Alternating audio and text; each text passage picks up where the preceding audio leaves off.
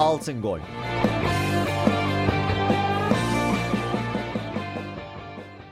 Trakya Üniversitesi Radyosu Radyo Güne Bakan'a hepiniz hoş geldiniz. Ben Ömer Balcı, Buğra Haşlamacı ile birlikte Altın Gol programında sizlerleyiz. Sizlere futbolun gelişmelerini aktaracağız ve yorumlayacağız. Programımıza Galatasaray ile başlıyoruz. Galatasaray ligin 12. haftasında Karagümrük'e konuk oldu ve maçtan 2-0 galip ayrıldı.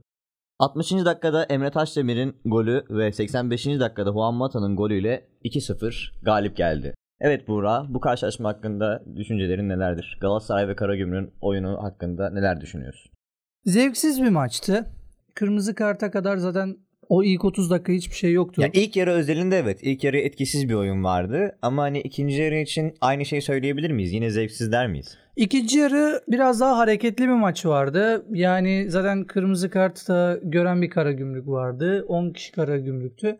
Sık sık pozisyon buldu aslında Galatasaray. Hani özellikle Mertens biraz fazla pozisyona girdi. Ancak yani ben şahsen Galatasaray'ın bitiriciliğinin kötü olduğunu düşünüyorum bu maç. Yani 12 şut atmışlar. ikisi gol olmuş ve Viviano da 10 kurtarış yapmış. Maçın adamı zaten bence net bir şekilde Viviano'ydu. Ya kesinlikle kesinlikle. Maça damga performans. vuran performans diyebiliriz Viviano için. Gerçekten harikaydı. Yani sezonun performansı şimdiden yapmış olabilir yani Viviano.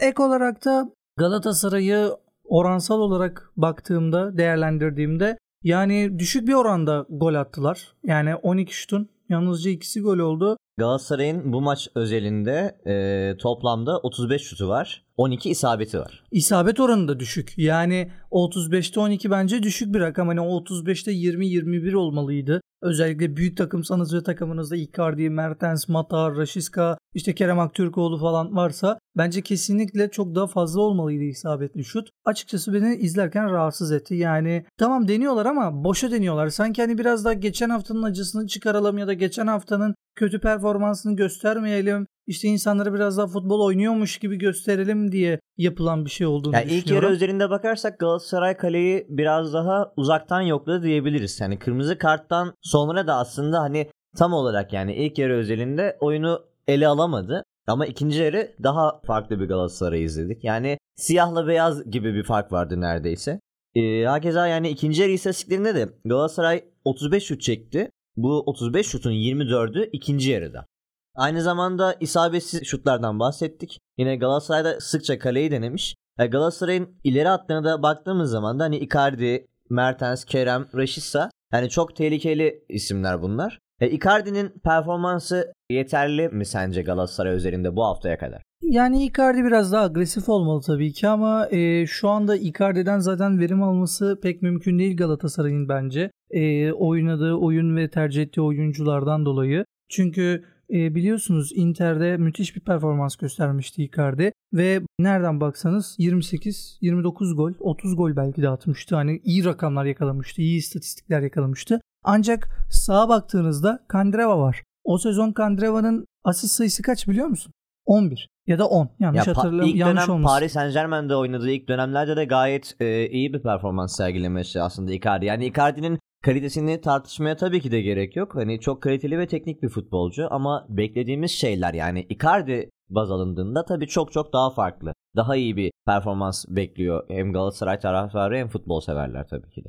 Bunu anlatacaktım da yani mesela devam edeyim. Inter'deyken sağ kanat Kandreva vardı. Adamın tamamen odağı asist hani attırmak üzerineydi. Sol tarafta Perisic vardı. Biliyorsun şu an Tottenham'da oynuyor. Evet. O sezon Perisic 12 asist falan yapmış olması lazım. Bir de 11-12 gol görmüş olması lazım. Hem atan hem attıran bir kanattı. Şimdi Galatasaray'a baktığında sağ kanat Rashiska, sol kanat Kerem Aktürkoğlu. Kerem Aktürkoğlu'na sonra geleceğim. İkisi de atma üzerine oyuncular, attırma üzerine oyuncular değil. E arkasında Mertens var. Daha da çok atma üzerine bir oyuncu. E öyle olduğunda da tabii ki yani Icardi'den daha az verim alıyorsunuz. Paris'te de iyiydi. Evet ama orada attıran bir Neymar vardı. Hani oynadığı dönemde. Keza arkasındaki oyuncular da attırıyordu. Attırma odaklıydı, çalışıyorlardı. Hani o yüzden de şu anda Galatasaray'ın bu planını Icardi'den verim alması sadece zorlaşacağını düşünüyorum. Ve oyun planını ona göre de bence dizayn etmeli diye düşünüyorum Okan Buruk'un. Kerem Aktürkoğlu'na ayrı bir parantez açıyorum şu an. Ee, Kerem Aktürkoğlu çok kötü bir performans gösterdi.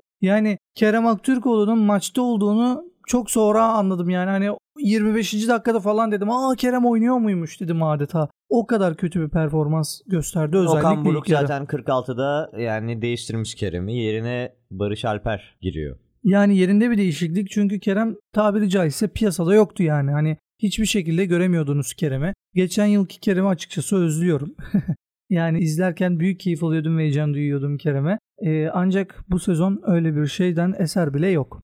Peki e, Galatasaray'ın şu anki 11 hakkında yani özellikle hücum hattına baktığımız zaman 3. bölgedeki isimleri bu şekilde mi olmalı? Yani Rashica Mertens, Kerem Icardi üzerinde bir oturmalı mı? Yoksa farklı isimler de denenebilir mi? Yani geçen sezon bir Yunus Akgün'ün performansı vardı. Yunus Kerem e, olarak başladı kanat rotasyonunda Galatasaray ama pek umduğunu bulamadı. Yani Kerem'in düşük performansı, Yunus'un beklenileni bir türlü verememesi, skora yansıtamaması. Ya diğer isimlerin de bunlara katılınca yani bazı şeyler oturmadı Galatasaray'da ofansif anlamda özellikle. Evet buna katılıyorum. Yani ofansif anlamda bu sezon en çok beklenti olan 2-3 takımdan biri Galatasaray'dı. Ancak Galatasaray bunların hiçbirini karşılayamadı. Sorduğun soruya gelecek olursak da bence hücum hattı böyle olmamalı. Neden böyle olmamalı? Oliveira ve Torreira çok iyi performans sergiliyor. Hani göbekte mükemmel bir uyum yakaladılar Bence ve Galatasaray Galatasaray üzerinde değişmez ikili onlar e, kesinlikle, diyebiliriz yani. Kesinlikle. Yani Oliveira özellikle Karagümrük maçında yine çok iyi oynadı. Hani o top dağıtıcılığı, kaleye vuruşu, agresifliği gerçekten çok iyi bir oyuncu. Çok beğeniyorum kendisini. Ama şahsen Kerem'i bir süreliğine en azından kulübeye atmak gerektiğini düşünüyorum. Yani 4-2-3-1 değil de 4-3-3'e dönmesi gerektiğini, sol kanat Mertens, Icardi ve Rashica yapması gerektiğini düşünüyorum. Orta sahaya da Mitchell, Torreira ve Oliveira yapması Yerli gerektiğini düşünüyorum. unutmamak gerekli aynı zamanda. Yani Kerem Ha, evet tabii oynuyor o- ama aynı zamanda 3 yerli de olmak zorunda. Evet, evet. 3 yerli de yani bu maçta Emin, Emre ve Kerem'i tercih etmiş Okan Buruk Hoca. Tamam 4-3-3 olsun yine ama bu sefer hani mesela sağda Rashica olmasın da Yunus olsun. Mesela Yunus denensin biraz. Çünkü ben Yunus'u beğeniyorum. Benim beğendiğim bir oyuncu. Ve şahsen bu sezon hani bir de attırmaya yönelik de bir oyuncu. Hani hem Icardi ile hem de Mertens'le anlaşabileceğini düşünüyorum Yunus'un. Bu yüzden de aslında dediğim gibi bu bahsettiğim 4-3-3'te aynı kadro olsun. Yalnızca Kerem yerine Yunus olsun ve diziliş daha farklı olsun. Bence bu şekilde de bir denensin. Çünkü potansiyeli olan bir kadro Galatasaray. Yalnızca e, kafama takılan şöyle bir nokta var. Çok yaşlı bir takım Galatasaray. Yanlış bilmiyorsam 28 yaşında olması lazım ortalamasının. Bence çok yaşlı bir takım. Hani özellikle Icardi, Mertens, Mertens 35-34 yaşlarında olması gerek. E, Icardi 30 olması gerek. Yani Muslera artık çok tecrübeli kurt bir kaleci oldu adeta. Hani biraz daha gençleşmeye önem vermeli aynı zamanda artık bu sezondan Icardi itibaren. 29 yaşında, Mertens 35 yaşında. Mesela yani hani Icardi de yakındadır doğum günü yani. O yüzden de biraz da gençleşmesi gerektiğini düşünüyorum aynı zamanda Galatasaray'ın ve özellikle de hücum bölgesine biraz daha potansiyelli isimlerin transfer edilmesi gerektiğini düşünüyorum. Çünkü Icardi'nin yedeği Seferovic, Seferovic'in yedeği Gomis. Hani baktığında Icardi'yi de hadi 30 yaşında sayalım. 3 tane 30 yaş ve üzeri oyuncun var demektir bu. Hani bu da forvet attığın o zaman ileride tamamen değişecek demek. Ve zaten kulüplerimizin en büyük sorunu buydu. Tam düzeldi düzeliyor dedik yine bozulmaya başladı bu huyları. Yeniden yaşlı oyunculara yönelmeye başladılar. Keza Galatasaray bu yıl çok yöneldi. Bunların da bence düzelmesi gerektiğini düşünüyorum. Ya aslında hani kulüplerimize genel olarak baktığında sadece Galatasaray'da değil yani transfer politikaları da bence eleştiri noktasına e, gelebilir. Yani şu açıdan sisteme göre oyuncu yerine yani oyuncuya sistem oluşturma ya da sadece hani bireysel performanslar üzerinden bakıyoruz. Yani evet Icardi'den tabii ki de yararlanılmalı ama hani futbol aynı zamanda hani birçok etkeni içerisinde barındıran bir spor. Yani formasyon, taktiksel anlayış, yani sağında, solunda, arkasında oynayan adamlar, onların performansları, hani birçok etken oyuncunun performansını da aynı zamanda etkiler. Doğru orada haklısın tabii ki de. Ee, bence zaten artık hadi tamamen sistem oyununa ve sisteme bağlı transferler yapmaya dönmeliyiz. Yani elbette yıldız oyuncular lazımdır ama yani şahsen bu yıl en güzel Fenerbahçe'de görüyoruz. Yıldız oyuncudan ziyade biraz daha takıma sadık takıma hizmet eden oyunculara yönelik bir transfer ve oyun anlayışı benimsenmeli diye düşünüyorum artık. Keza bu kadar kötü ekonomiyle kulüplerimizde. Kesinlikle. Ee, geçen hafta Galatasaray'da e, iki kırmızı kart vardı biliyorsun. Sacha Boey ve Abdülkerim. Onların yokluğunda sağ bekte Döboa, stoperde ise Emin Bayram performans sergiledi bu maçta. Onların performansına ne diyeceksin peki? Ee, Sence yani 11 oyuncularının performanslarını e, şey yapabildiler mi? Onlara yetişebildiler mi? Ya da hani bekleneni verebildiler mi diyeyim daha doğrusu. Önce Dubia'dan başlayayım. Dubia bence 10 numara bir oyuncu. Zaten doldurdu da iyiydi. Ben sevdim, beğendim performansını. Ee, özellikle konuşmak istediğim Emin Bayram. Elbette hani e, Abdülkerim Bardakçı'nın yerini tutamaz ancak bence çok iyi oynadı bu maç. Yapması gereken her şeyi yaptı. Hatta bir de iptal edilen golü var. Bence iyiydi. Ben beğendim. Hani fırsat verilebilir. Özellikle mesela Ziraat Türkiye Kupası maçlarında zaten direkt ona emanet edebilirsiniz diye düşünüyorum. E kaldı ki zaten Avrupa'da değil Galatasaray. Tamamen lige odaklı. Atıyorum işte bir sonraki hafta mesela derbi var. Bu maçta mesela oynatabilirsiniz. Yani önümüzdeki hafta yanlış hatırlamıyorsam zaten Galatasaray Beşiktaş derbisi var. Böyle bir haftada Abdülkerim Bardakçı olsaydı da olmasaydı da Emin'i oynatabilirdi diye düşünüyorum ki oynattı da oynatmaya da devam etmeli. Yani en azından açık bir şekilde handikapı görülene kadar ben şu anda görmedim bu maçta oynamaya devam etmeli. Kesinlikle yani gençlerimize sorumluluk verdikçe onlar da hani hazır hale gelecek, daha iyi yerlere geleceklerdir. Aynı zamanda hani Emin ve Döbo demişken Emre Taşdemir de ilk maçında oynadı. İlk maçında e, golle de buluştu. Emre Taşdemir'in performansı nasıldı sence? Emre iyiydi. Ben şahsen e, performansını beğendim. E, yani çok da genç oyuncu değil. 27 yaşında bir oyuncu. Galatasaray'a geldi, oynadı. Bence iyi de oynadı, güzel de oynadı. Yani Galatasaray alternatif bir yerli kazanmış oldu. Bence bir 2 yıl, 3 yıl hani kendini bir tık geliştirirse 2 yıl, 3 yıl Galatasaray'da yedek kontenjanından da olsa, e, yerli kontenjanından da olsa takımda kalabilir. Mata da aynı zamanda oyuna sonradan giren isimlerden birisi. O da yine golle buluştu ve golünü attı. Juan Mata sence Galatasaray için doğru bir oyuncu mu? Yani Galatasaray'da etkili bir performans gösterebilir mi? Ben Mata'yı beğeniyorum ki bence iyi oynadı. Hadi golünü o kadar beğenmedim. Hani çok e, bir olayı yoktu golünün. Normal bir goldü ama oyununu beğendim. Düşüncesini sevdim. Pas düşüncelerini, vuruş düşüncelerini veyahut da hücum aklını çok beğendiğim bir oyuncu. Sadece hani ilk 11 oynamalı mı, oynamamalı mı onu ben de kendime soruyorum. Çünkü ben de emin değilim. Hani oynayabilir, oynamayabilir. Hani belki böyle bir maçta oynayabilirdi ama çok da böyle Fenerbahçe, Beşiktaş, Trabzon maçlarında oynayabileceğini düşünmüyorum. Gerek yaşı, gerek de formu ve gerek de vücut zindeliği itibariyle ki o da yaşlı bir oyuncu. Hani yanlış hatırlamıyorsam o da 35-36 idi hemen hemen. Evet 34 yaşındaymış. Hani 34 yaşında bir oyuncu. Yani o yüzden çok da zaten üstüne durulması gereken bir oyuncu değil de biraz daha kulübede durup büyük maçlarda Hamle oyuncu değiştiren. olarak. Aynen. Yani hani girer, değiştirir, sağ sol topu çevirir, kaleyi yoklar falan filan ama onun dışında işte böyle Karagümrük maçında oynar, Ankara gücüne karşı oynar, İstanbul Spor'a karşı oynar ama çok da önemli maçlarda 11 oynaması gerektiğini düşünmüyorum. Yusuf Demir de denenebilecek isimlerden aslında daha fazla forma şansı verilmeli diye düşünüyorum ben. Çok yetenekli bir oyuncu. Barcelona'da geçmişi var aynı zamanda. Yani teknik kapasitesi de yüksek. Yani bunları biraz daha şey yaparsa eğer Galatasaray bu oyunculara biraz daha şans verirse Yusuf Demir özelinde bahsediyorum. Hani skor manasında tabela olarak daha yukarılara çıkabilir. Çünkü baktığımız zaman Galatasaray ligde bu haftaya kadar 14 gol bulmuş. Hani Galatasaray'ın önünde yine özellikle ilk sıradaki takımlar hani fark açmış durumda. Hani Fenerbahçe 34 gol, Adana Demir 24, Beşiktaş 25 gol atmış. Ama aynı zamanda şöyle bir durum da söz konusu. Galatasaray liginde en az gol yiyen takımları arasında. Konya ve Başakşehir'in ardından en az 3. gol yiyen takım. Ee, en az gol yiyen 4 golle Başakşehir, 6 golle Konya. Galatasaray'da bu haftaya kadar 9 gol yemiş. Galatasaray'ın hani savunma anlamında sence doğru işler yaptığını düşünüyor musun? Ben savunma anlamında çok da bir problem olduğunu düşünmüyorum Galatasaray'ın. Zaten e, bahsettim az önce de Oliveira ve Torreira ikilisi mükemmel. Hani orta sahada kesinlikle iyi bir direnç e, gösteriyorlar. Aynı zamanda Nelson, e, Abdülkerim de ikilisi bence oturdu artık. Hani daha iyiler.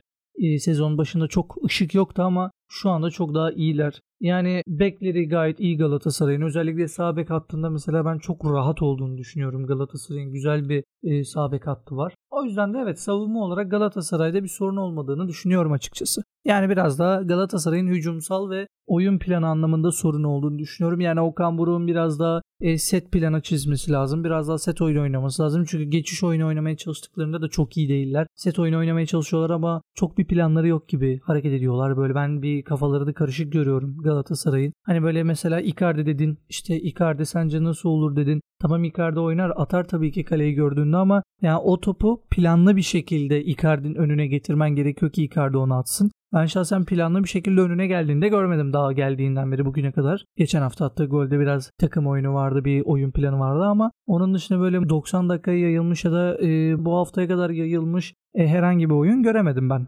Galatasaray Ee, tarafında. Galatasaray'ın forvetlerinden bahsettik. Yani Icardi, Seferovic, Gomis rotasyonlu bir santrafor kadrosu var Galatasaray'ın. E, bu forvetlere de baktığımız zaman yani forvet oynayabilecek bunlara ek olarak Mertens var. O diğerlerine nazaran çok daha hareketli bir oyuncu ama bu 3 oyuncu özelinde Seferovic ile Gomis zaten 30 yaş ve üstü. Yani Icardi de 29 yaşında olduğundan bahsettik. Yani bunların ayağına biraz daha topu getirmek e, gerekiyor aslında. Yani buradaki aslında iş onların arkasında oynayan kanat ve 10 numara pozisyonundaki oyuncuları biraz daha düşüyor. Hani yer yer Oliveira da paslarla beslemeli o santraforları ki Galatasaray hani skor anlamında daha yukarılara çıkabilsin. Bunlara özellikle farklı bir oyun stili gerekiyor bu forvetlerden yararlanmak için. Çünkü hani gidip de Gomis'ten şu beklenmemeli. Yani geri gelsin topu alsın koşsun pres yapsın. Ek olarak yani Seferovic de o tarz bir oyuncu değil. Yani Seferovic'i yan toplarla beslersin. Hani arka tarafından e, atılan şişirme toplarla beslersin. Yani Seferovic'i, Icardi'yi, Gomis'i biraz aslında eğer topla buluşturabilirsen uygun pozisyonlarda kaleye çok büyük tehdit olabilecek oyuncular. Ama hani diğer türlü hani Mertens vari yani topu alıp top sürüp bir şeyler yapabilecek oyuncular değil pek.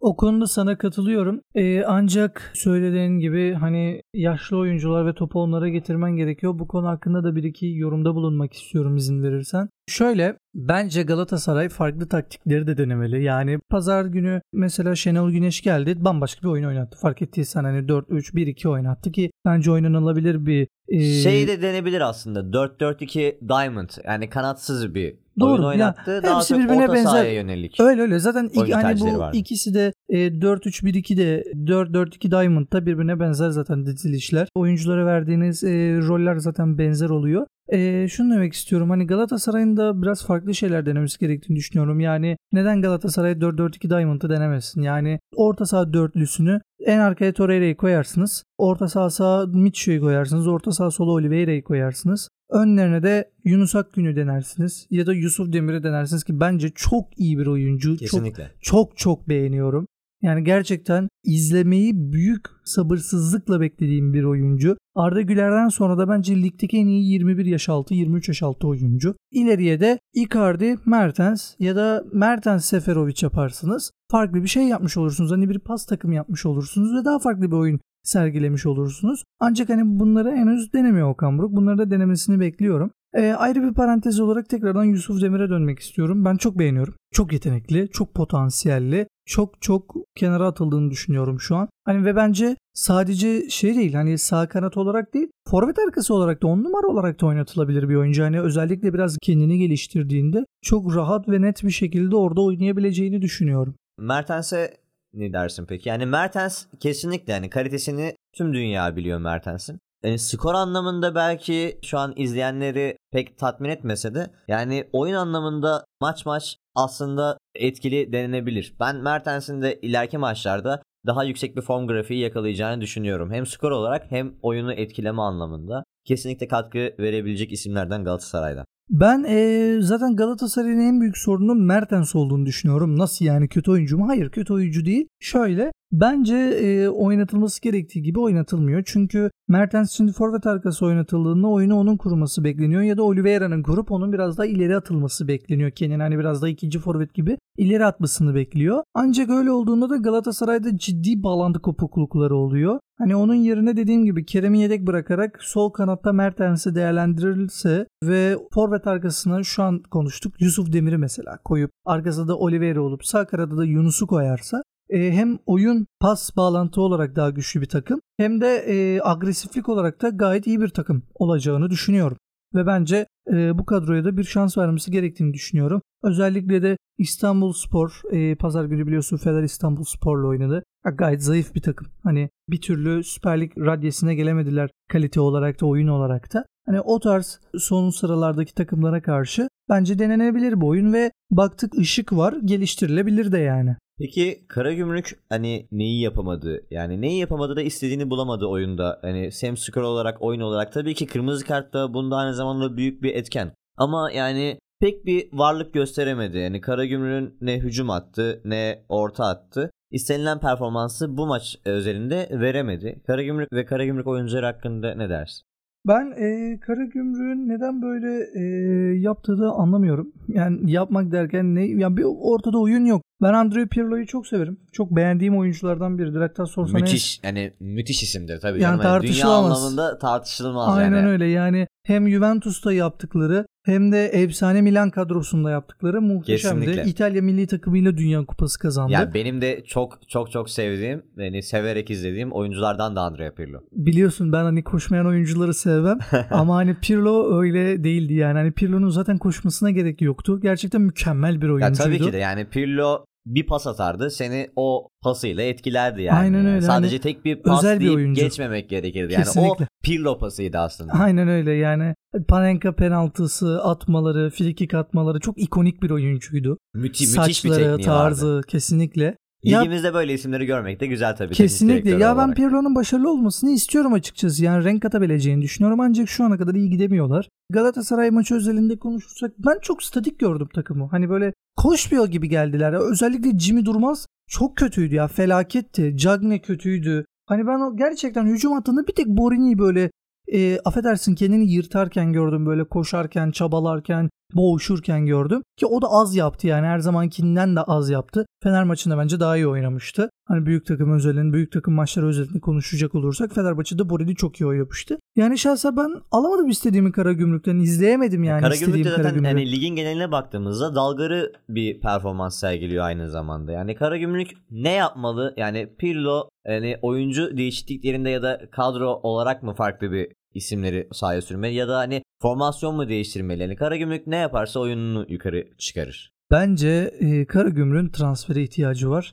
Yani elbette bunu söylemek en kolayı biliyorum farkındayım ama yani Jimmy Durmaz yerine kesinlikle bir oyuncu transfer edilmeli. E, Adnan kırmızı kart gördü. Adnan yerine de bir oyuncu transfer edilmeli diye düşünüyorum. Orta saha bölgesine özellikle Evet ya orta sahaya net diyorsun. iki isim lazım ve hani tamam belki de Torreira'yı alamıyorsunuz. Hani okey mesela Biglia vardı Karagümrük'te. Hani Evet. böyle bir oyun sergileyecekseniz, böyle bir oyun oynayacaksanız neden Biglia'yı gönderiyorsunuz? Hani tabii ki de o Başakşehir istedi ve aldı. Hani zaten oyuncu da tercih olarak orayı tercih etmiştir ama yani bir şekilde onu tutacaksınız o zaman. Ya da Hı. onun ayarında yani tabii Biglia çok kaliteli bir futbolcu ama en azından stil olarak ona benzer bir futbolcu almanız Evet lazım. yani tarz olarak en azından yakın bir futbolcu alın. Çünkü ben boşun olduğunu düşünmüyorum. Yani özellikle Karagümrük'ün orta sahası çok problemli. Yani kırmızıdan önce de kırmızıdan sonra da hepsi problemdi. Ya takımı tabii hani Biglia gibi özel topçular hani farklı yerlere taşıyordu. Yani keza Trabzonspor'a baktığımızda orada da hani Marek Hamšík var. Yani belli başlı yani Galatasaray'da Oliveira aynı şekilde. Yani Fener'de belli- Crespo var. Kesinlikle. Yani fark yaratıyor. Kesinlikle. Yani belli başlı oyunculara baktığımız zaman hani bunlar özel oyuncular ve aynı zamanda kreatif oyuncular. Hem e, kendileri iyi performans sergiliyorlar aynı zamanda takım arkadaşlarının performanslarını da çok farklı bir noktaya taşıyabiliyorlar. Yani hem takım olarak hem bireysel olarak takımlarını ve kendilerini farklı yerlere taşıyorlar diyebiliriz. Taktiksel olarak son bir yorum yapmak istiyorum diğer maça geçmeden önce Karagümrük hakkında. Bence orta sahaya Jimmy Durmaz yerine Crespo tarzında bir oyuncu. Hani koşucu, kesici tarzda bir oyuncu. Şey ise Adnan'ın yerine de ise Hamşik gibi işte Salih Uçan gibi yani biraz daha pas odaklı bir Ya daha oyuncu. çok böyle hani oyunu yönlendirebilecek, Evet, Oliveira gibi, Oliveira gibi. oynatabilecek, besleyebilecek oyuncular. Yani mesela Biglia onu yapabilirdi. Üstelik defansif anlamda da iyi bir şekilde bunu yapabilirdi. Biglia'yı gönderdiler işte. Beni de zaten rahatsız eden konu bu oldu. Programımıza Beşiktaş maçıyla da devam edelim. Beşiktaş bu hafta konuk ettiği Ümraniye Spor karşısında 5-2'lik e, bir skorla sahadan galip gelerek ayrıldı. E, maç hakkında, Beşiktaş'ın performansı hakkında neler düşünüyorsun? Beşiktaş da aynı zamanda teknik direktör değişikliğiyle e, bu haftaya başladı. Valerian İsmail'in ayrılığının ardından Şenol Güneş de yola devam etti siyah beyazlı ekip. Ee, öncelikle Şenol Güneş'e hayırlı olsun diyorum. Ee, kendisi tabii ki de önemli bir adam.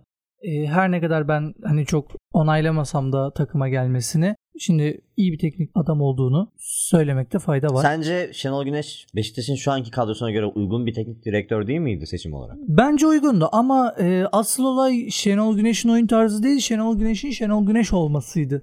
Hani benim problemim çünkü Yani aynı teknik adamlar üzerinde Evet. mi dönüyoruz? Evet diyorsun? dönüp dönüp duruyoruz. Genç teknik adamlara aynı zamanda genç oyunculara fırsat vermiyoruz. Ve e, Şenol Güneş evet iyi bir hoca, iyi bir adam. Karakter olarak da çok iyi bir insandır. Ama yani artık devrinin bittiğini düşünüyorum. Hem Fatih Terim'in, Aykut Kocaman'ın, Ersun Yanal'ın, Şenol Güneş'in devirlerinin bittiğini düşünüyorum. Ve artık açıkçası çok da büyük takımlarda yer almaması gerektiğini düşünüyorum. Yani şu süreci bence yanlış yönetti Beşiktaş. Hemen bir panikle Valerian İsmail'i kovduklarını düşünüyorum. Yani örnek vermek gerekirse Dünya Kupası bir ay bir buçuk ay sürecek hemen hemen. E bu da sana bir bir buçuk ay çalışmaya vakit tanıyacak demektir. E Dünya Kupası'nda yaklaşık olarak yine 3 hafta var diye hatırlıyorum. 3-4 hafta var. E kardeşim sen 3-4 hafta çalışmanı yap. Şu adam gelir, şu adam boşta, şu adam doluda, şununla anlaşırız, şununla anlaşamayız. Planını yap, programını yap. Ondan sonra atıyorum Dünya Kupası'na bir hafta kala yani son hafta oynanacak maçtan önce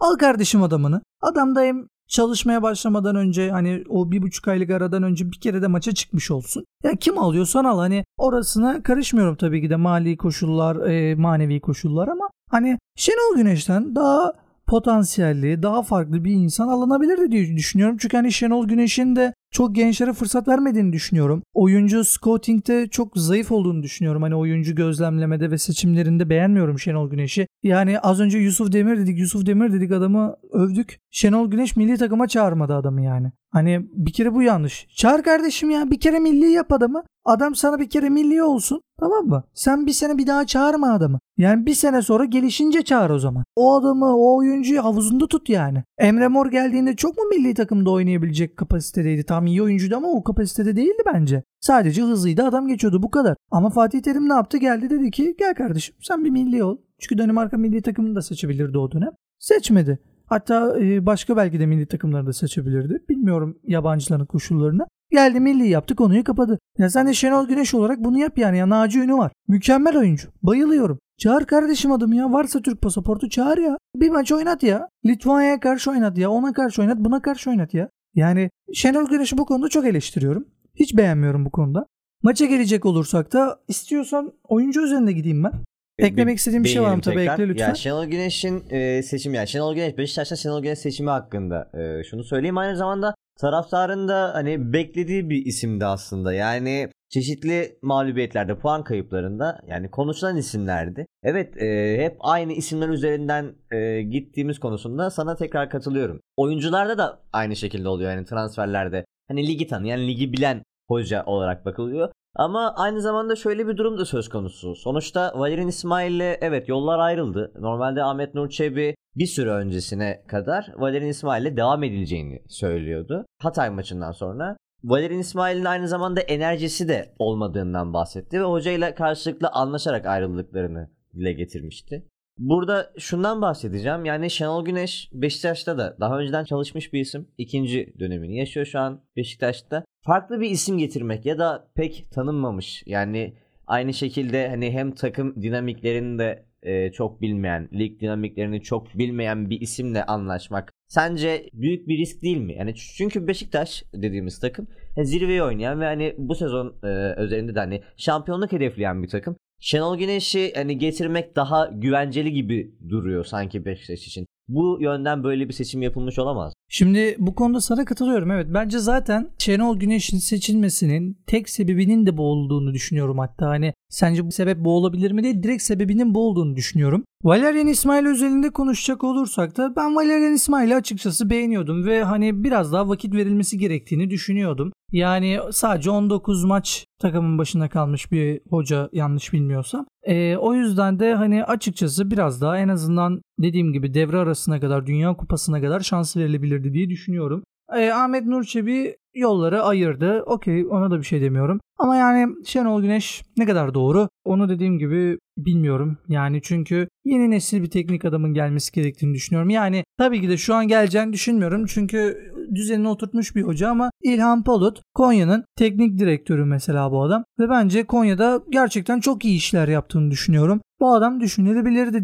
Elbette hani ben geleceğini de düşünmüyorum. Hani çünkü düzenini oturtmuş, e, oyununu oturtmuş bir adam. Ama düşünülebilirdi. Keza sadece bizim bildiğimiz isimler de değil. Yani sizler başkansınız, sportif direktörsünüz. Zaten önemli olan bizim bilmediğimiz isimleri getiriyor olmanız. Yani e, Valerian İsmail geldiğinde sen biliyor muydun? Ben bilmiyordum. Geldiğinde öğrendim o adamı. Ve hani araştırdım. Hmm, bu adam potansiyelli dedim yani. Beşiktaş'a bir şeyler katabilir dedim. Ama Hani- sence bizim ülkemizde yapılan yanlışların sebeplerinden birisi de organizasyon eksikliği değil mi? Yani hep bir yapboz e, düzeni var. Yani bir sabır yok, istikrar yok aynı zamanda. Yani bir teknik direktör geliyor takıma, bir oyun oynatmaya çalışıyor. Kendi transferlerini yapıyor, kendi kafasında kurguladığı oyuna göre. Yani bir oyuncu kadrosu toplanıyor. Bunun için bir maliyet harcanıyor. E daha sonra birkaç maçlık bir puan kaybında hani gelen bir formsuzlukta bu hocaya biraz daha sabır göstermek yerine hemen e, hani istifa sesleri, yolların ayrılması, sözleşme, Yanlış. sözleşme fesihleri gündeme geliyor.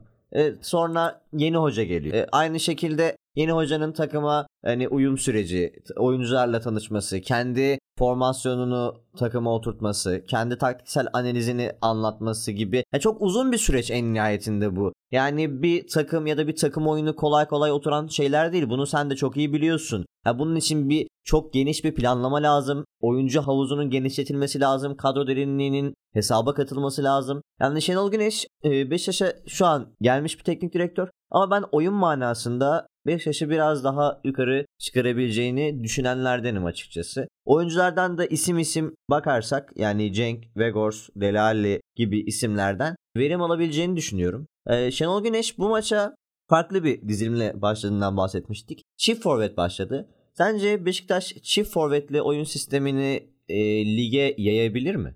Ben yayabileceğini düşünüyorum. İyi bir performans vardı. Sadece Redmond, Delali'nin performanslarının bir tık daha üstte olmasını, özellikle de Salih'in 2-3 tık biraz daha üstte olmasını istiyorum. Çünkü Salih'i ben pek beğenemedim açıkçası. Pas bağlantılarında iyi değildi, kopuktu. Yani temposunu beğenemedim. Hani orta sahada mesela Jetson mükemmeldi. Bayıldım. Tam anlamıyla şu güne kadar Beşiktaş'ta ondan beklenen performansı ilk defa göstermiş olduğunu düşünüyorum. Hani aralara girmesi topları hatta bir golde onun kestiği topun aktardığı pasın Redmond'ın asistinde galiba. O kesti topu Redmond'a verdi. Redmond da asistini yaptı. Cenk Tosun'un ikinci golünden bahsediyorum. Yanlış hatırlamıyorsam eğer. Hani çok iyiydi. Jetson'ı çok beğendim. Oyuncu özellerine devam edecek olursak Delali'yi pek beğenemedim. Çok pasifti. Hani Yani Delali sence 11 başlamalı mı? Yani en azından şu süreçte fizik olarak da hazır hale gelene kadar hani hamle oyuncusu olarak kullanılamaz mı? Delali'nin şu zamanlarda en azından bu ilk zamanlarda hamle oyuncusu olarak kullanılması gerektiğini doğru buluyorum. Düşünceni doğru buluyorum. Çünkü gerçekten Delali e, pasif kaldı. Yani varlık gösteremedi tam anlamıyla. Neyse ki Vegors çok harika olağanüstü bir performans gösterdi ki onun boşluklarını kapadı. Yani hatta onun boşluklarına da koşu attığını falan da gördük maç esnasında. Çok iyiydi Vegors. Ee, Cenk, Cenk iyi. Cenk her zamanki Cenk. Hani attığı gollerden, yaptığı kuşlardan her şeye aynı Cenk. Şenol Ee, Güneş'in de ilk maçında aynı zamanda Aynen Cenk de öyle. hani ilk maçın ilk golünü atan isim oldu. Maçta da iki golü var. Ben geldiğinde de demiştim özür diliyorum sözünü balla kesiyorum. Ben geldiğinde de dedim yani hani bu adam Vegors'u kesebilir dedim ama durdum şimdi dedim Vegors'la Mario Gomez'e neredeyse birebir benziyor yani. Hani acaba hangisini kesecek hangisini oynatacak hani Cenk'i de iyi oynatıyor ve seviyor falan. İkisini aynı anda oynatmayı tercih etti ki bence Ya biraz daha bakarsan yani stil olarak da farklı futbolcular. Aslında hani birbirini Evet, evet. tamamlıyor da diyebiliriz. Hani Vegors biraz daha hani hava topu hakimiyeti yüksek olan e, fizik kalitesiyle de öne çıkan bir oyuncu aynı zamanda. Cenk Vegors'a göre biraz daha hareketli. Yine teknik e, kapasitesi yüksek bir futbolcu. Zaten hani Cenk'i iyi tanıyoruz ve biliyoruz. E, Delali yerine sence tercih edilebilecek bir isim var mı Delali pozisyonunda ya da farklı bir anlayışa mı gidilmeli Delali'nin oyundan çıktığı durumda? Şöyle Redmond bence oynayabilir ki oynadı da belirli bir dakikalarda. Farklı formasyonda gidilebilir. Yani 4-4-2 oynayabilir bence. Joseph Jetson yaparsınız. Enkudu Redmond yaparsınız. Enkudu ters kanatta Enkudu oynar. 10 numarada fayda sağlar mı? Yani bu tamamen Şenol Güneş'in ne istediğine bağlı o pozisyondan e, Enkudu'dan. Çünkü yani dersiniz ki orta sahada göbekte topu al. Sür, sür, sür, sür. Üçüncü bölgeye taşı. İşte ayağında biraz top tut. işte biraz çalım at. Hani takım gelsin. Takımda işte atıyorum Salih'e aktar topu ve hani sen biraz daha forvetleş takım kendi kendine oyunu kursun. İşte Vegors geriye gelsin falan filan şeklinde bir oyun düzeni yaparsanız elbette hani Enkudu olabilir neden olmasın ama ben tercih etmezdim. Yani ben Cenk'in yerine de ederdim. Vegors'un yerine de ederdim ama şahsen Delali'nin yerine Enkudu'yu yani 10 numara pozisyonda Enkudu'yu tercih etmezdim. Ya çift forvette aslına bakarsan yani Cenk ya da Vegors ikilisinden birisinin e, yanına Muleka'da tercih edilebilecek isimlerden birisi bence. Hani çok hareketli, hızı da var aynı zamanda. Hani bitiriciliğini de kullanabilecek futbolculardan birisi. Maç maç özelinde baktığın zaman Muleka'da tercih edilebilir. Yani o da rakip takımlar için bir tehdit unsuru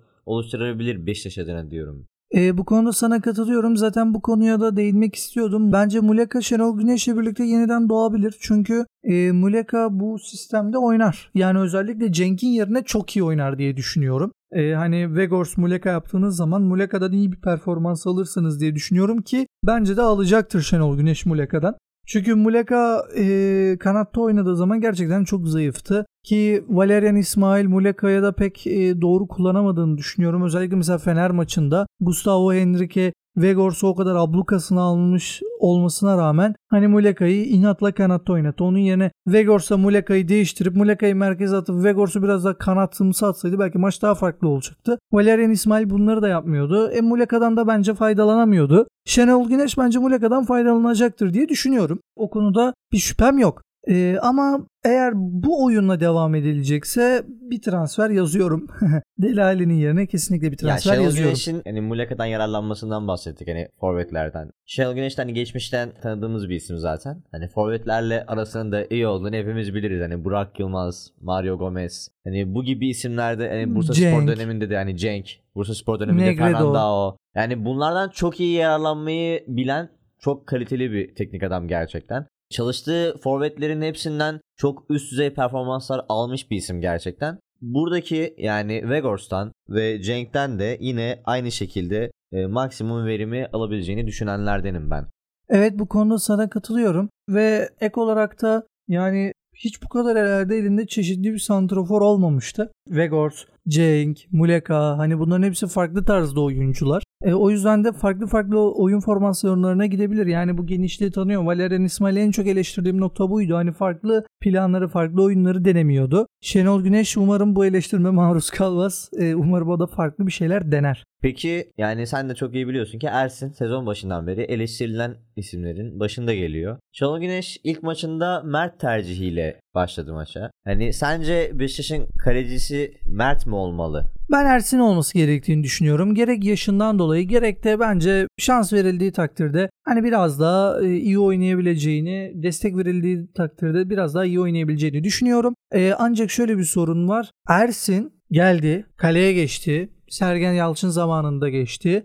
Doğru bir seviyeye de çıktı. Özellikle geçtiğimiz sezon kesinlikle bir seviyeye çıktı. E, hatta kendini milli takıma seçtirecek kadar bir seviyeye çıkardı. Orada da kaldı. Hani oradan öteye gidemedi. Gelişim sağlayamadı diyorsun. Evet ya bence Ersin'in en büyük problemi bu. Şimdi bu da iki şekilde değerlendirebiliriz. Ya adamın potansiyeli, kapasitesi bu kadar. Hani sen bunu bu şekilde kabul ederek takımında tutacaksın. ilk 11 ya da yedek oynatacaksın. Ya da senin kaleci departmanın bu kadar geliştirebiliyor. O zaman da kaleci departmanında yani kaleci antrenörüne, çalıştırıcına, makinalarına, personellerine yönelik bir şeyler yapman gerek. Hani gerekirse bir değişim yapman gerek. Yani çünkü onun dışında başka bir türlü zaten bunu anlayamayız. Ersin iyi bir kaleci olduğunu düşünüyorum. Çok da kötü değil. Formda olduğu zaman da formdaydı şimdi. Sen de biliyorsun. Yani formda olduğunda da iyi bir performans gösteriyordu. Yani bu yıl kesinlikle lanet mi var ne var bilmiyorum ama ligdeki milli kalecilerimiz çok kötü. Yani Altay, Uğurcan, Ersin hani Uğurcan son haftalarda bir tık Evet Uğurcan Hani son haftalarda bir tık- biraz daha performansını yükseltti. Hani bir level üstte iyi performans göstermeye başladı ama onun dışında Altay, Ersin yani ne oluyor anlamıyorum. Gerçekten kötüler yani bu sezon. Hani Doğan Alemdar dışında şu an iyi milli kaleci yok gördüğüm kadarıyla. Mert Günok da kötü bir gol yedi hani maçta. Ya Hani- kalecilerimizin bireysel performansları lazım tabii ya da ki önemli ama hani aynı zamanda takımlardaki savunma hattı olsun, hani takım savunması olsun bunlara da bakmak gerek diye düşünüyorum. Yani tek başına sadece kaleciye yüklenmemek gerek.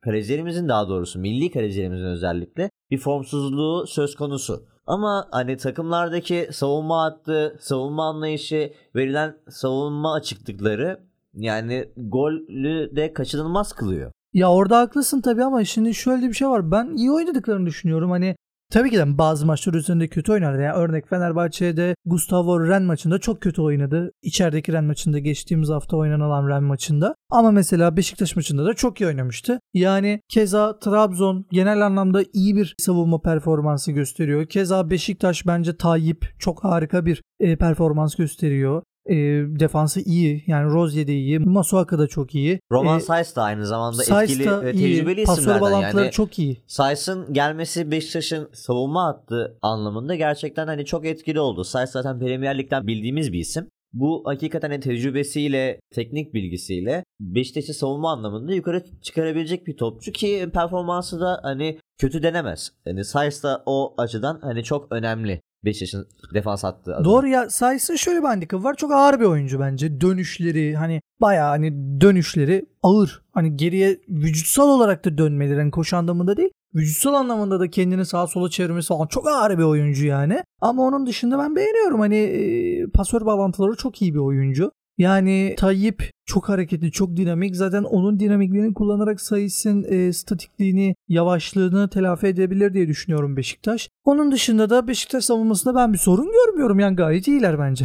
Peki Beşiktaş'ın ileriki haftalarda yani ligin önümüzde gelecek haftalarında nasıl bir performans sergilemesini bekliyorsun? Şenol Güneş'le bir çıkış yakalayabilirler mi? Şimdi Prime Şenol Güneş'in Prime Beşiktaş'ı 2017 idi galiba bu Taliskalı Evet. şeyli kadro. O kadroya yakın bir kadro olduğunu düşünüyorum. Hani kalite olarak olmasa bile oyun stili olarak. Ya örnek sol mesela yine 4-2-3-1 oynadığımızı farz ediyorum. Varsayıyorum. Sol kanatta Redmond oynattığınızda Babel tarzında oynayabilir. Sağ kanatta Gezal'ı oynattığınızda zaten Quaresma gibi oynayabilir. Boşver Quaresma'yı yani ondan çok çok üstte bir performans gösterebilir. Deli Ali Taliska gibi oynayabilir ki bence öyle Ya oynanması ama denenmeli. zaman hani isim isim Vegors yani zaten tam bir Mario. Gomez. Yani, Yani, kesinlikle yani o zamanki Beşiktaş'ın çok farklı ve iyi bir kadrosu vardı. ha, kalite Ama hani olarak gerideler ama stil stil olarak, bence Stil benziyorlar. olarak da yani bilemiyorum. Yani aynı etki yaratması tabii ki de hani herkes beklemez ama stil olarak da yakın futbolcular mı sence bunlar birbirlerine? Ya tabii ki de birbirine uzak futbolcular var. Yok değil. Sadece oynatabilirsiniz diyorum. Yani örnek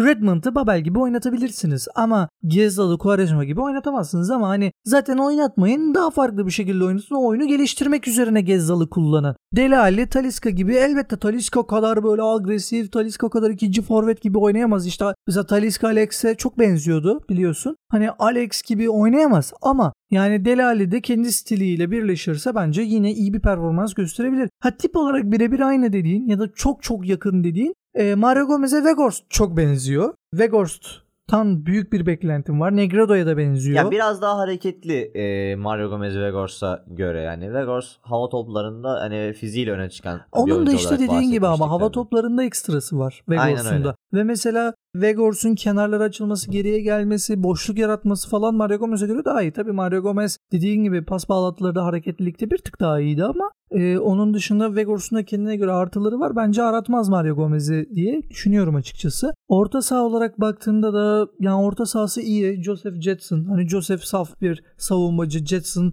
adeta bir Atiba Hutchinson'ın bir benzeri. Yani Ya çok koşan, da hareketli bir oyuncu aynı zamanda. koşan, Yani, iki yönlü e, oynayan, gerek, tırpan gibi e, böyle top kesen. top sürüşüyle yani yine aynı şekilde tekniği de iyi olan bir Evet oyuncu. kesinlikle. E, takımını e, driplingleri de ileri atıyor. Yani box to box dediğimiz oyunculardan aslında. Evet, e, yani- Gerson Fernandes. Salih var. Bence Salih iyi bir yedek. Hani ilk 11 oynasa da bu maç kötü oynadı. Hani, hani Daha iyi spor- olabilir. Yani Evet, çünkü kesinlikle. Salih Uçan'ın farklı performanslarını da daha önce Gördük, izlemiştik. gördük. Yani yani Hatta daha dedik niye milli olabilir. takımda değil bu adam? Hani milli aradan önce biliyorsun bu Faroe Adalarına kaybettiğimiz bu milli aradan önce Salih Uçan'ın performansı gayet iyiydi bence ve diyorduk yani bu adam neden seçilmedi? Hani Berkan Kutlu kadar oynayamayacaksa bu adam neden zaten e, Beşiktaş'ta oynuyor diyorduk yani. Çünkü bence çok iyiydi. Berkan'dan falan çok çok iyiydi yani. Ve seçilmedi. Bu da açıkçası garibime gitmişti.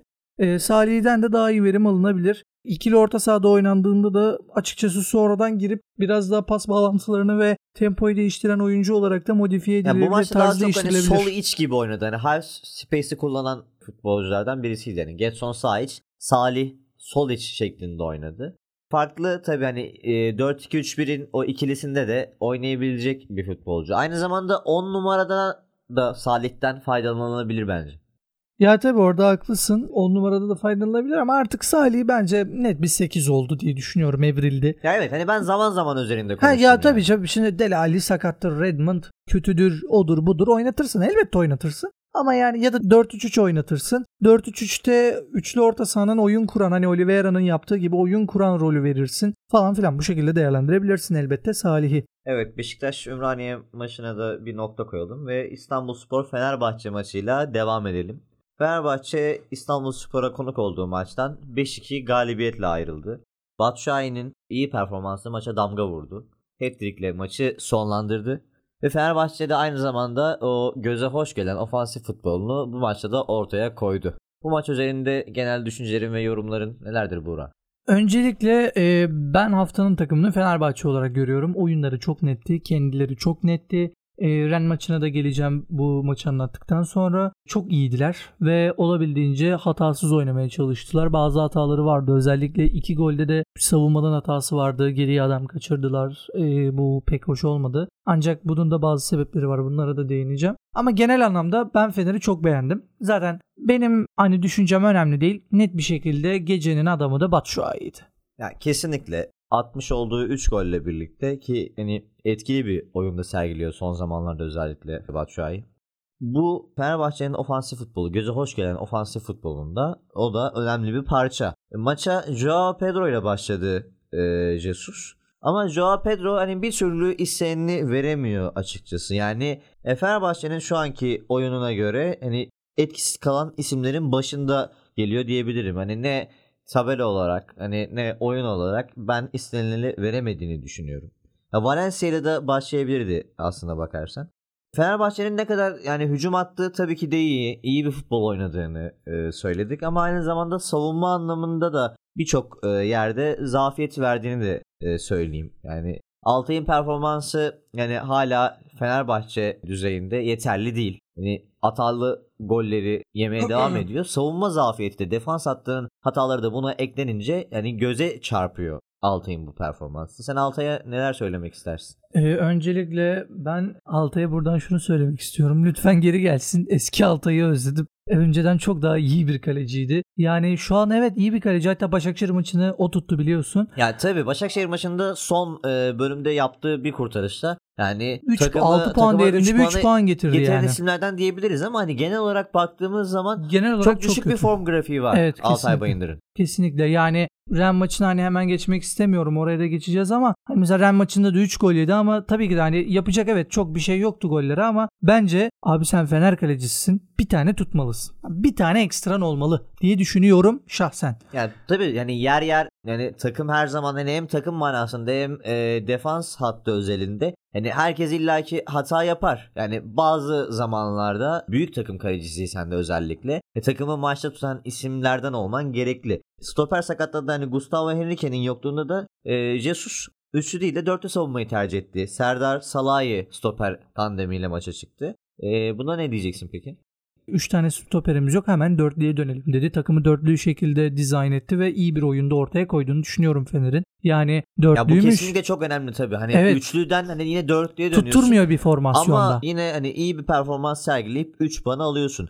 Ya tabii rakip etkeni de bunda önemli. Ama yani performans açısından yine büyük bir kayıp yaşamadı Fenerbahçe Kesinlikle. Kesinlikle. Ya bu işte bu ben Jesus tamamen Jesus'un alameti farikası olduğunu düşünüyorum. Kesinlikle mükemmel bir dizayn yapmış. Hani dörtlüye de gayet iyi bir şekilde takım geçti. Hiçbir bocalama yaşamadan. Joao Pedro'yu biraz konuşayım. Çünkü Joao Pedro benim çok beğendiğim bir oyuncu. Şahsen tekniğini çok seviyorum, çok beğeniyorum. İyi bir futbolcu olduğunu düşünüyorum. Ancak e, bence hani bak belki bu farklı bir yorum olacak ama İrfan Can yerine Joao Pedro'nun denenmesi gerektiğini düşünüyorum. Hani en azından bir maç İrfan Can yerine Joao Pedro'nun denenmeli diye düşünüyorum. Çünkü evet skora katkı vermiyor olabilir ama hani adam düşerken bile pas veriyor, pasını aktarıyor, onu yapıyor, bunu yapıyor, kaleyi yokluyor. Adamı düşürüyorlar. Düşerken bile tak bir tane vuruyor. Hop. Ya İrfan Fener Can yerine çıkıyor. aslında forvet arkası daha makul olabilir. Çünkü yani Tabii, tabii. o kadar hani geri gelip top da alacak bir futbolcu değil Joao Pedro. Yani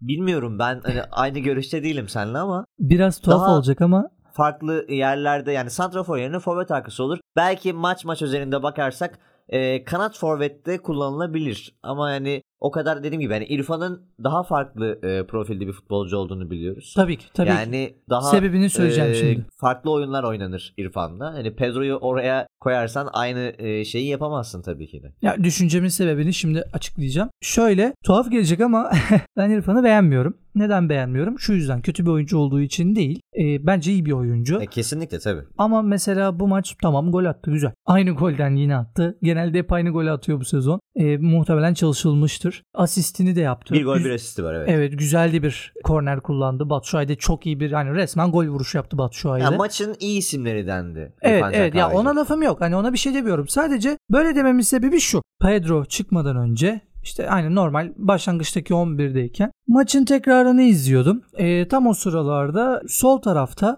korner direğinin yanında bir taç atışı oldu. Baktım yani Pedro orada. Batshuayi orada. Alioski de oyunda. Alioski orada. Hani birçok kişi orada. Ancak İrfan'ın ceza sahasının içinde olmadığını hatta yayına bile yakın olmadığını fark ettim.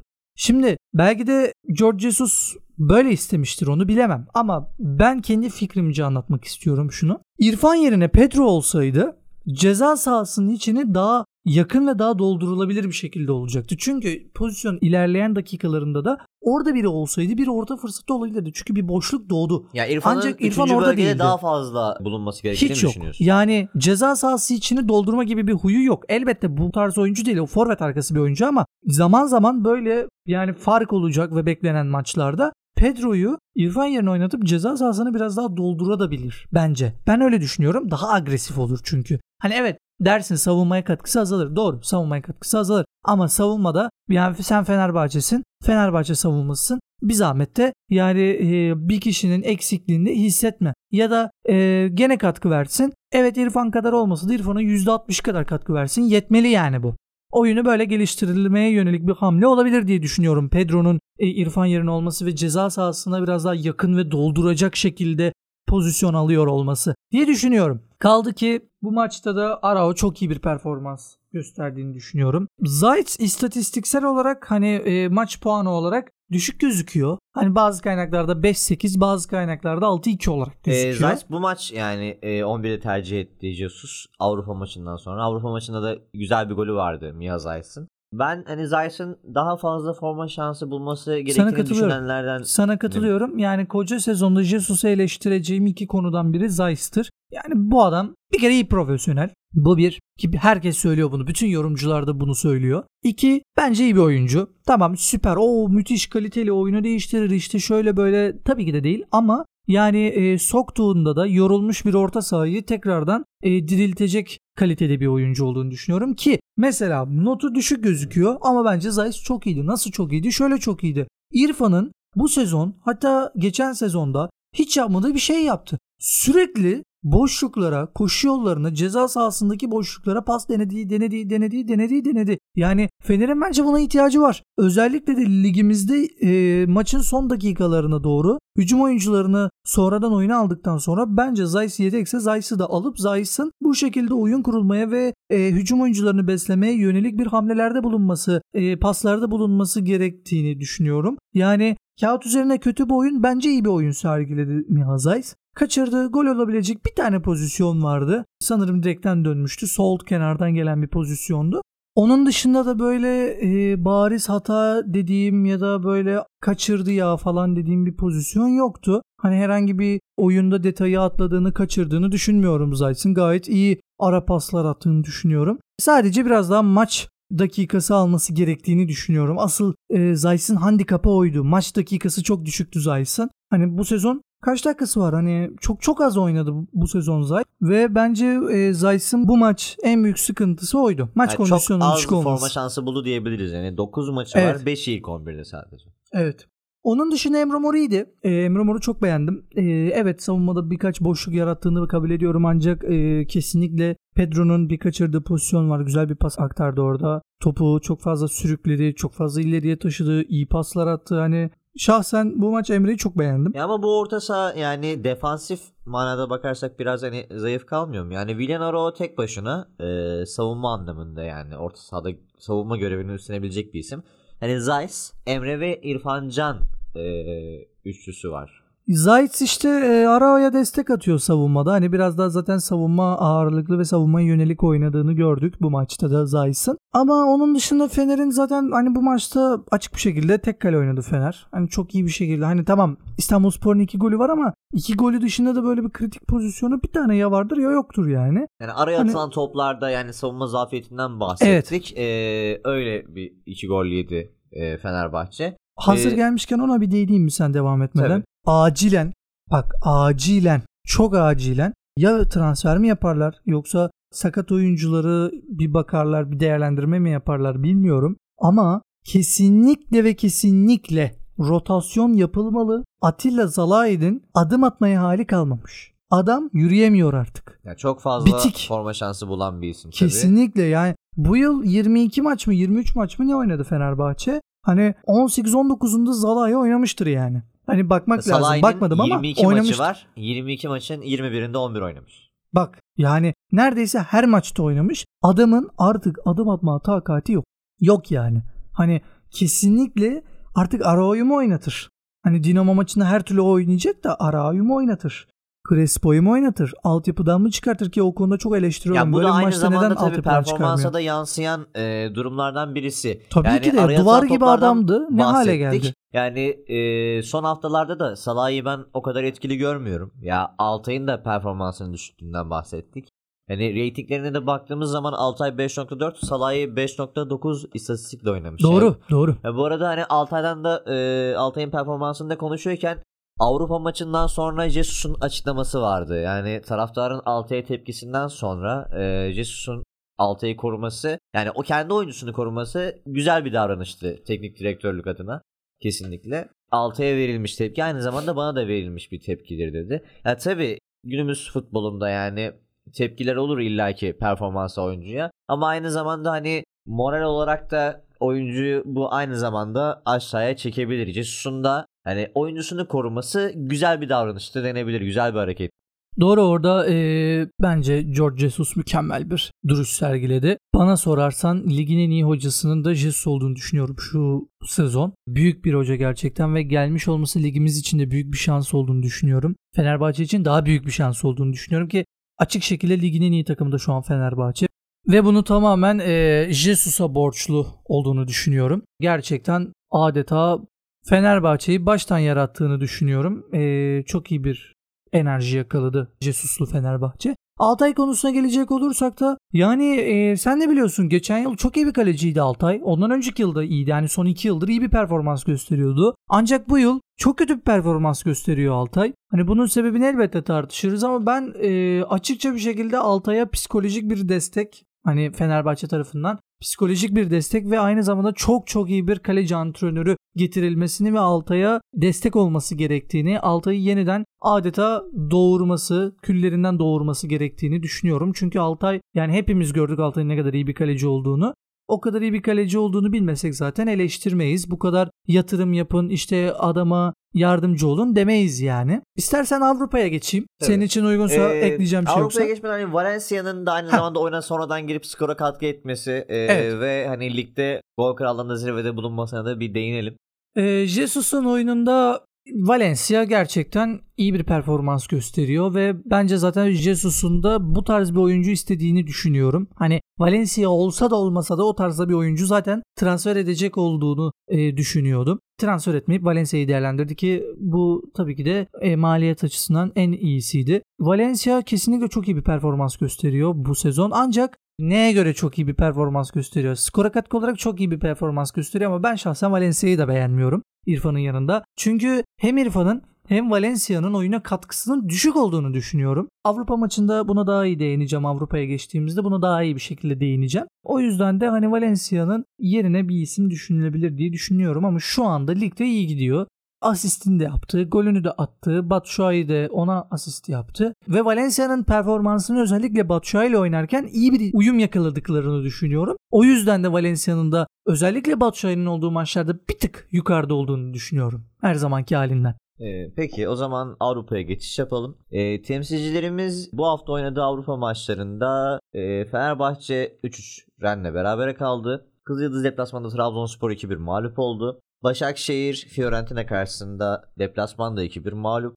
Sivas Spor ise e, Kulucu evinde 3-0 yendi. Fenerbahçe'den başlayalım. Fenerbahçe 3-0 geriye düştüğü maçta kendi evinde e, iyi bir reaksiyon göstererek 3-3'ü buldu. Yani bu aynı zamanda Fenerbahçe'nin mental anlamda da e, yukarıda bir takım olduğunu gösterir. Oyunda hani bir pes etme ya da bir düşmeden daha çok yine bir reaksiyon gösterdiler ve bu etkiyle birlikte yani maçı beraberliğe getirip puan almayı bildiler. Evet e, gayet tabii. Çünkü Fenerbahçe gerçekten bu sezon çok formda. Ve hani ligin en iyi takımı dememin sebebi de bu İstanbul Spor'a 5 tane atmaları, Alanya'ya 5 tane atmaları değil. Bu Ren maçında pes etmeden geri gelmeleri. Yani benim için yani desen ki işte 3-0 öne geçti. 3-3 sonra beri, hani Fener 3-0 öne geçti. Ren 3-3'e geldi. Ama sonra Fener kazandı. İşte sence kim daha iyiydi? Ren derim. Çünkü o geri dönüş bile çok farklı bir momentum, enerji, taktiksel bir teknik açıdan taktiksel bilgi birikimi gereken bir şeydir. Fenerbahçe gerçekten çok iyiydi ve hani yanlış hatırlamıyorsam bir Fransız gazetesi de e, Ren Fener'in elinden kaçtı gibi bir manşette de bulunmuştu. Yani 3-0 geriye düşülen bir maçta bu manşeti attıracak kadar maçı geri döndürmeniz hem Jesus açısından hem de oyuncular açısından ancak artı 2 şekilde yani 2 tık artı şekilde Jesus açısından e, büyük bir başarıdır. Ki Jesus'un neden bu takıma getirildiği de asıl bu maçta belli olduğunu düşünüyorum. Altay'dan hemen hızlıca bir bahsedeyim. Sonra diğer kısımlara geçeyim. Altay yani dediğim gibi 3 golde de lafım yok. Evet yenilebilecek gollerdi. Benim sadece Altay'dan beklentim bu kadar iyi bir kaleci. Hani iyi bir kaleci olduğunu düşünüyorum. Bu kadar iyi bir kaleci bir tane ya sadece bir tane ekstra çıkartabilirdi. Hani ilk golü ya da üçüncü golü ekstra olarak çıkartabilirdi diye düşünüyorum. O zaman geriden biraz da ileriye doğru geleyim. Defansa geldiğimizde de kaleciden Gustavo kötü oynadı. Yani 3. ve 2. golde bariz hataları var. Pozisyon anlamında pozisyonunda çok hata yaptı Gustavo Henrique. Sence Fenerbahçe savunmaya takviyede bulunmalı mı? Evet oraya geleceğim. Ee, oraya genel değerlendirmeden sonra geleceğim. Gustavo Henrique kötüydü. Serdar Aziz evet fena değildi ama çok çok iyi de değildi. Serdar Aziz'i ben döndüğünden beri o kadar da beğenemiyorum. Ee, orta sahaya geldiğimizde orta saha ikilimiz Crespo Arao'ydu sanırım. Tekrardan kontrol etmek gerekirse. Evet Crespo Arao'ydu. Yani Crespo Arao ikilisini ben beğendim. Zaten her maç belirli bir istikrarda oynuyorlar. Bence sezonun 3 oyuncusundan biri Crespo, Batshuayi ve Ferdi Kadıoğlu. Ya peki O hani, sayede buna göz kırpıyor. ya Fenerbahçe'de evet bu isimler gayet etkili e, oynayan şu ana kadar kesimler. Lincoln'un sol kanat bek olarak e, oynaması sence savunma anlamında Fenerbahçe özelinde Altay'ın da üstelik kötü bir form grafiği varken ne kadar doğru? Hani e, Alioski tercih edilemez mi? Orada evet ben de Alioski'yi neden tercih etmediğini anlamadım. Yani şöyle ama bence Lincoln orada oynayabilir. Alıştı bence çünkü orada oynamaya. Fiziki anlamda da artık yavaş yavaş kaldırmaya başladı ki Ren maçında ofansif anlamda ben e, Lincoln'un iyi işler yaptığını düşünüyorum. Yani yaratıcı oynamaya çalıştığını gördüm. Bu da beni mutlu etti. Hani futbol izleyicisi olarak, yorumcu olarak. Ama nasıl diyelim böyle maçlarda biraz daha hani hücum oyuncularından bir şey bekleyip Alioski'yi orada tutup hani Lincoln'u oynatabilirdi yine. Mesela İrfan yerini ileride oynatabilirdi. E, hani bu tarz bir şeyler deneyerek biraz daha Lincoln'u kullanabilirdi tabii ki orada. E, ben de katılıyorum. Ama ben burada ne yaptığını hani Jesus'un gördüm. Lincoln elbette her zaman dönmeye çalışıyor. İşte dönüşlerinde fena da değil. Çok iyi değil ama fena da değil kesinlikle. E, ama hani mesela dönemediğinde de Zalai kendini sola doğru atıyor. Arao kendini merkeze atıyor. Defans yine bir şekilde dörtleniyordu. Hani bu şekilde e, Lincoln'süz bir savunma karşılaması yapıyordu. Lincoln de e, hızlıca gelip Arao'nun ya da Crespo'nun hangisi hangisinin yerine geçtiyse boşluğunu dolduruyordu ve kesicilik yapmaya çalışıyordu. E, sol bekte olamadığı dakikalarda. Bu da taktiksel olarak iyi bir düşünce. Ama evet yani böyle maçlarda da açıkçası ben Lincoln'u biraz daha ileriye oynatıp ileride oynatıp Alioski solda oynatılsaydı bence bir gol az yenirdi diye düşünüyorum. Özellikle mesela 3. gol yenmeyebilirdi diye düşünüyorum. Orta sahada başka söyleyeceğim Crespo Arao ikilisi gayet iyi. Crespo her maç çok iyi oynuyor ve artık kesinlikle milli takıma çağrılması gerektiğini düşünüyorum. Yani tamam belki de süper olağanüstü yetenekli bir oyuncu değil ancak çok formda ve milli takım biraz da e, yani orta sahaya 5 oyuncu seçiyorsunuz ve hani milli takımda hiç değilse 2 tanesini form üzerinden seçebilirsiniz ve Crespo şu anda Portekizli göbek olarak defansif de olsun iki yönlü de olsun fark etmiyor. Yani iki yönlü orta sahada defansif oyun kurucu olarak da savaşçı orta sahada hani her tarz oynayabilir Crespo. E, bu tarzda şu an en formda Crespo yani Crespo olduğunu düşünüyorum. William Carvalho Fenerbahçe istemişti biliyorsun. Evet. O da Portekizli. Ondan Evet. da daha farklı olduğunu düşünüyorum bu sezon. Kaldı ki çalıştır teknik adam da ona daha çok şey kattı. Yani Monel Pellegrini bildiğim kadarıyla e, Real Betis'in hocası. Monel Pellegrini'nin William Carvalho'ya kattığından daha fazla Jesus Crespo'ya kattı. Bu yüzden de Crespo'nun hiç değilse seçilmesi gerektiğini düşünüyorum. Osayi iyi bir performans gösterdi. İleriye geldiğimde Osayi'den güzel bir örnek vereceğim. Osayi'nin driplingleri, e, muhteşem sprintleri gerçekten çok iyi, çok başarılı. Biraz daha ileriye gidelim. Nirfan Valencia ikilisine gelelim. Nirfan Valencia ikilisini beğenmedim. Ki bunu ben sana hani dışarıda da sohbet ederken de dile getiriyorum. Şahsen oraya bir transfer, hani birer transfer gerektiğini düşünüyorum. Neden? Evet Valencia iyi bir oyuncu ancak ligimizde iyi bir oyuncu. Avrupa'da özellikle Ren gibi büyük başlarda sırıttığını pek iyi oynayamadığını düşünüyorum. Adam geçme kodusunda e, başarısız olduğunu düşünüyorum. Bahsedeceğim Osayi örneği de buydu. Osayi'nin biraz daha teknik ve hücumcu olanını transfer ederseniz Valencia yerine Fenerbahçe direkt 2 level birden atlar takım olarak. Ya örnek vermek gerekirse hatta Ren'den örnek vereyim. Ren'den mesela Terrier vardı. Ee, çok beğendiğim bir oyuncu, kaliteli bir oyuncu ve hani Ren'den sonra iyi bir kulübe gideceğini düşünüyorum bu performansı devam Ya ederse. Kesinlikle bu sezon özellikle Terrier iyi bir performans sergiliyor. 18 maç, 11 gol, 4 asisti var. Evet kesinlikle. Yani Terrier yerine yani Terrier mesela direkt Terrier'i Valencia yerine koysak Fenerbahçe direkt hani seviye atlar diye düşünüyorum. Keza İrfan'ın yerine de bir oyuncu transfer edilse. Hani İrfan'ın biraz daha oynama nedeninin yerli kontenjan olduğunu düşünüyorum. Hani İrfan kötü bir oyuncu değil yanlış anlamayın. İrfan iyi bir oyuncu. Sadece koşu mesafeleri, pres e, konusunda eksik olduğunu düşünüyorum. Daha hareketli olması Evet, gerektiğini yani- düşünüyorsun. farkındaysan hani İrfan'ın efektif bir şekilde top sürdüğünü hiçbir zaman göremiyorsun. Hani Osayi'nin görüyorsun, Lincoln'un görüyorsun. Hatta eleştirdiğim Valencia'nın Batshuayi topla hani çok sürmesi beklenmese de Batshuayi'nin bile görüyorsun. Ama İrfan'ın göremiyorsun. E, şahsen topla ilişkisi daha iyi ve daha maestro-luk yapabilecek bir oyuncu oraya transfer edilebilir. Tabii yerli kontenjanı bu konuda etken. Sadece bir ek yapmak istiyorum izin veriyorsan. İrfan'ın yedeği olarak Arda Güler bence düşünülmeli. Arda'nın biraz süre alması gerekiyor. Eğer Arda'yı düşünmeyecekseniz bakın ben her zaman Arda'yı öneriyorum. Çünkü Arda çok iyi bir oyuncu. Ama tamam ben düşünmeyeceğim dediniz. Arda'yı düşünmeyecekseniz de Naci Ünüvar'ı mesela Trabzon'da bir görüşüp bir transfer hareketi yapılabilir diye düşünüyorum. Naci çünkü İrfan'ın Bonservisi yaptıklarını Trabzonspor'da değil. e, Değil, yalnız kiralık mı? Naci Ünüvar'ın evet. onu bilmiyorum. Hani sadece o geldiğini gördüm. Hani özellikle araştırmadım. Öyleyse de bonservisi Ajax'ta mı hala? Ajax'ta o zaman Ajax'la görüşmeniz gerektiğini düşünüyorum. Ya Naci'nin o profilde bir oyuncu alınabilir diyorsun. Yani yani hani o profilde direkt Naci diyorum çünkü İrfan'ın yaptıklarını çok daha iyi bir şekilde yapabilir yani. Sadece Ya, ona Naci şans vermeniz daha gerek. kanat bölgesinde oynayan Naci mi? bir oyuncu. Evet ben Naci onu, Ünüvar. ben onun zaten Naci'nin kariyerinde geriye attığını düşünüyorum. Şahsen Naci'nin kanatta oynamaması ve kanat oyuncusu olmaması gerektiğini düşünüyorum. Naci'nin biraz daha 10 numara hatta ve hatta biraz daha 8-8.5 gibi oynaması gerektiğini düşünüyorum. Çünkü Naci çok teknik bir oyuncu ve atletizmi bence fena değil. Zaten kanatta oynuyor. Yani dediğim gibi yanlış olsa da bu mevkilerde fark yaratabileceğini düşünüyorum. O yüzden de bu mevkilerde oynaması gerektiğini düşünüyorum. Ve bu mevkilerde kendisini ya daha yaşı genç ve zaten 10 numara tecrübesi de olan bir oyuncu 6 yaş gruplarında. Kariyerini bu tarafa çevirip bu tarafta geliştirmesi ve ilerletmesi gerektiğini düşünüyorum. Savunma takviyesine gelelim. Eğer Serdar Aziz ve Gustavo Henrique yerine bir transfer yapılıp onları ya da şöyle diyelim Luan Perez elimizde diyelim. Luan Perez'i sol stoper oynatıp Atilla'yı merkezde oynatıp iyi bir çok iyi bir sağ stoper transfer edilirse Gustavo Henrique ile e, Serdar Aziz de yedek olursa aynı şekilde Valencia yerine iyi bir oyuncu transfer edilip yedeğe çekilirse Valencia ben şahsen Fener'in evet UEFA'yı kazanabileceğini düşünmüyorum ama çeyrek final hatta ve hatta momentumunu yakalarsa o gazı ülkecek hep birlikte yakalayıp Fener'e destek olursak yarı final oynayabileceğini düşünüyorum açıkçası. Hani İrfan'a da transfer yazdım ama şu an yazmıyorum çünkü yerli kontenjan diye bir olay var. Hani o yüzden ona bir şey demiyorum ama bir sağ stoper Serdar Aziz yerine Luan Perez'in geriye gelip Atilla'nın merkeze çekilmesi ve Valencia yerine bir transfer şart diye düşünüyorum. Peki Fenerbahçe maçını e, bu şekilde noktalayalım ve Kızılyıldız Trabzonspor maçına geçelim. E, temsilcimiz Trabzonspor Kızılyıldız deplasmanından 2-1 mağlubiyetle ayrıldı. Bu şekilde gruptan çıkma e, durumunu biraz daha son maça bıraktı diyebiliriz.